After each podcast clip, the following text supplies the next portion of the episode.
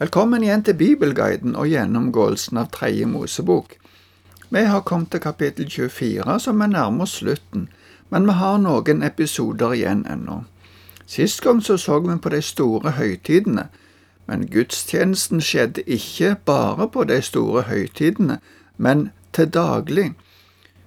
Den første delen av kapittel 24 minner oss om det. Her er det tale om det som skulle skje hver dag. Vi leser ifra vers 1 til 9 i kapittel 24. Herren sa til Moses, Gi israelittene befaling om å skaffe deg ren olje av knust oliven til lampene, så det alltid kan tennes lys. I telthelligdommen, utenfor forhenget som er foran kisten med vitnesbyrde, skal Aron sørge for at lampene alltid brenner for Herrens ansikt fra kveld til morgen. Dette skal være en evig forskrift for dere gjennom alle slekter. Han skal sette opp lampene på lysestaken av rent gull, så de alltid står for Herrens ansikt. Så skal du ta fint mel og bake tolv runde kaker. I hver kake skal det være to tiendedeler av et mål, og du skal legge dem i to rader, seks i hver rad, på bordet av rent gull for Herrens ansikt. På hver rad skal du legge ren røkelse. Den skal være et påminningsoffer for brødene, et gaveoffer for Herren. I all fremtid skal brødene legges fram for Herrens ansikt, sabbat etter sabbat. Det er en evig pakt hos israelittene. Brødene tilhører Aron og sønnene hans, som skal spise dem på et hellig sted. De er høyhellige og er hans del av Herrens gaveoffer. Det er en evig forskrift. Det skulle alltid være lys i den sjuarma lysestaken i helligdommen. Dette representerer at Israel, og nå Guds folk i den nye pakt, skulle være lys for Herren, lys i verden. I tillegg til at det alltid skulle være olje tilgjengelig til lampen, skulle det òg alltid ligge noen brød, som i noen sammenhenger kalles skuebrød, på et bord i helligdommen. Disse brødene skulle fornyes hver sabbat. Det skulle være tolv kaker, én for hver stamme. Viraken eller røkelsen som skulle legges der, ble brent når brødet ble bytta ut, og så ble det lagt inn ny røkelse i stedet for den som ble brent. Før vi får flere forskrifter angående gudstjenesten, kommer det et innskudd angående noe som skjedde. Det er resten av kapitlet som handler om hva de skulle gjøre med en person som hadde spotta Guds navn. Vi leser ifra vers 10 til 23. Blant israelittene var det en mann som var sønn av en israelittisk kvinne, men som hadde en egyptisk far. I leiren kom sønnen av den israelittiske kvinnen i krangel med en israelitt. Denne sønnen spottet navnet og forbannet det. Da førte de ham til Moses. Moren hans het Sjelomit og var datter til Dibri fra Dans stamme. De holdt ham i forvaring til saken kunne avgjøres ved et ord fra Herren. Og Herren sa til Moses, før spotteren utenfor leiren. Alle som hørte ham, skal legge hendene på hodet hans, og hele menigheten skal steine ham. Så skal du si til israelittene, når noen forbanner sin Gud, fører han synd over seg. Og den som spotter Herrens navn skal dø, hele menigheten skal steine ham. Enten han er innflytter eller født i landet, skal han drepes når han spotter navnet. Når noen slår et menneske i hjel, skal han dø. Den som slår i hjel et husdyr, skal erstatte det, liv for liv. Når noen skader sin landsmann på kroppen, skal det samme gjøres med ham som han selv har gjort. Brudd for brudd, øye for øye, tann for tann. Den samme skaden som han volder en annen, skal han selv få. Den som slår i hjel et husdyr, skal erstatte det, men den som slår i hjel et menneske, skal dø. Én og samme lov skal gjelde for dere. enten dere er innflyttere eller født i landet, for jeg er Herren deres Gud. Dette sa Moses til israelittene, og de førte spotteren utenfor leiren og steinet ham. Israelittene gjorde som Herren hadde befalt Moses.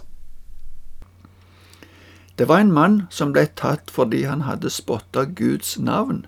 Denne mannen hadde israelittisk mor, men egyptisk far. Han var derfor egentlig ikke regnet som israelitt, men siden han gikk iblant Israel, så ble han arrestert. Det var ikke tidligere gitt et tydelig bud om hva de skulle gjøre i et slikt tilfelle. Men Moses spurte Herren, og det står at det var Herren som sa at denne mannen skulle straffes med steining. De som hadde hørt det som hadde blitt sagt, skulle legge hånda på hodet til mannen for på den måten å legge skylda over på han. Så skulle de steine han. Det blir i dette avsnittet òg tatt med en del av de andre reglene for straff, men vi sier ikke mer om det nå.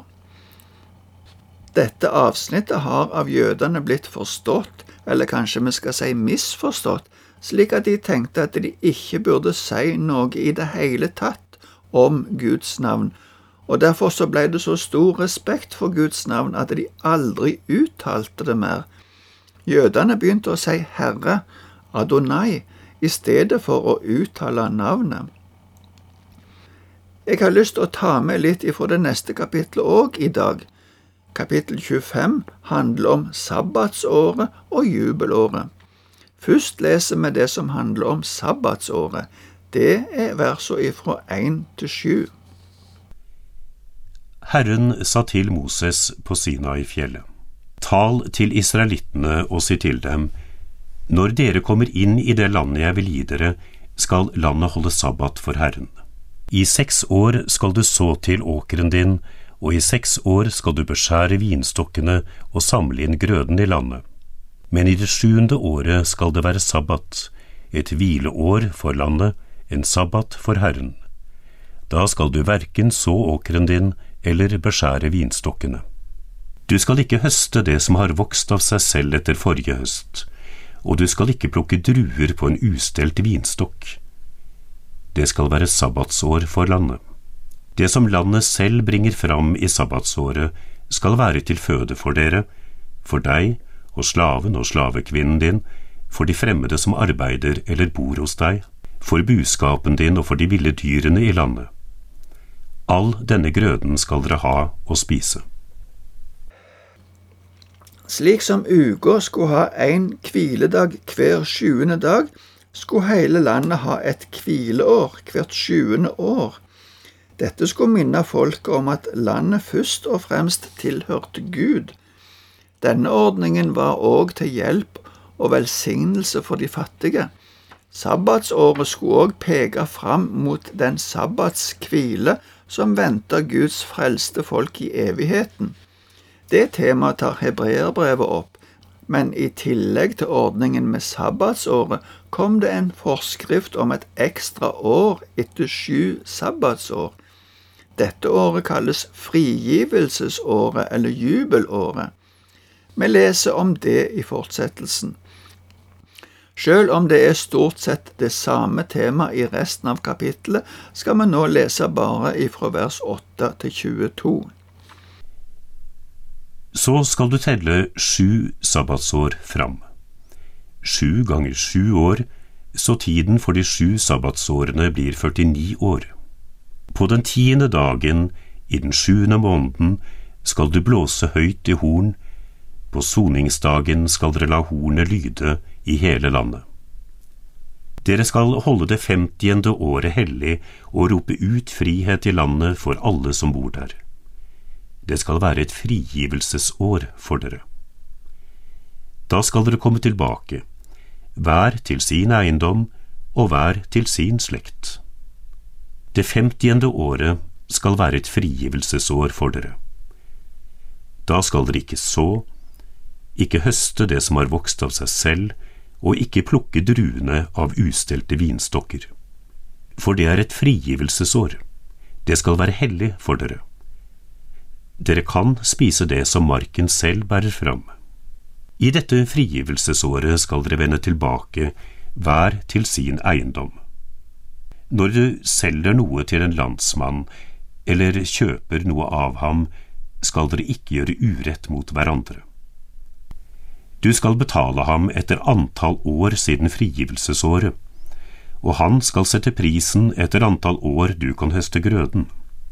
Jo flere år det er igjen, jo større skal kjøpesummen være, og jo færre år, jo mindre kjøpesum, for det er bare et visst antall avlinger han selger deg. Dere skal ikke gjøre urett mot hverandre, men du skal frykte din Gud, for jeg er Herren deres Gud. Dere skal følge mine forskrifter og holde mine lover så dere lever etter dem. Da skal dere bo trygt i landet. Landet skal gi sin grøde så dere kan spise dere mette og bo trygt der. Det kan hende at dere spør, hva skal vi spise det sjuende året når vi ikke sår og ikke samler inn grøde? Men jeg vil sende min velsignelse over dere det sjette året, så landet gir grøde for tre år. Når dere sår det åttende året, skal dere ennå spise av den gamle grøden. Helt til det niende året, helt til grøden kommer, skal dere ha gammelt korn å spise. Frigivelsesåret starta på den store forsoningsdagen, da ble det ropt ut frihet for alle som bodde der. Det betydde at om noen hadde solgt en eiendom for å få råd til å klare seg gjennom livet, så skulle de nå få landområdet sitt tilbake. Slaver skulle bli fri, og alt skal komme tilbake til utgangspunktet. Profeten Jesaja tolker i kapittel 61 ordet om jubelåret som et forbilde på det nådeåret som skulle komme over jorda med Guds sønn. Navnet jubelår kommer ifra det hebraiske jubel, som betyr basunlyd, som jo var markeringen av at frigivelsesåret begynte. Vi kunne sagt mye mer om jubelåret, men nå må vi slutte for denne gang. Takk for nå, og Herren være med deg.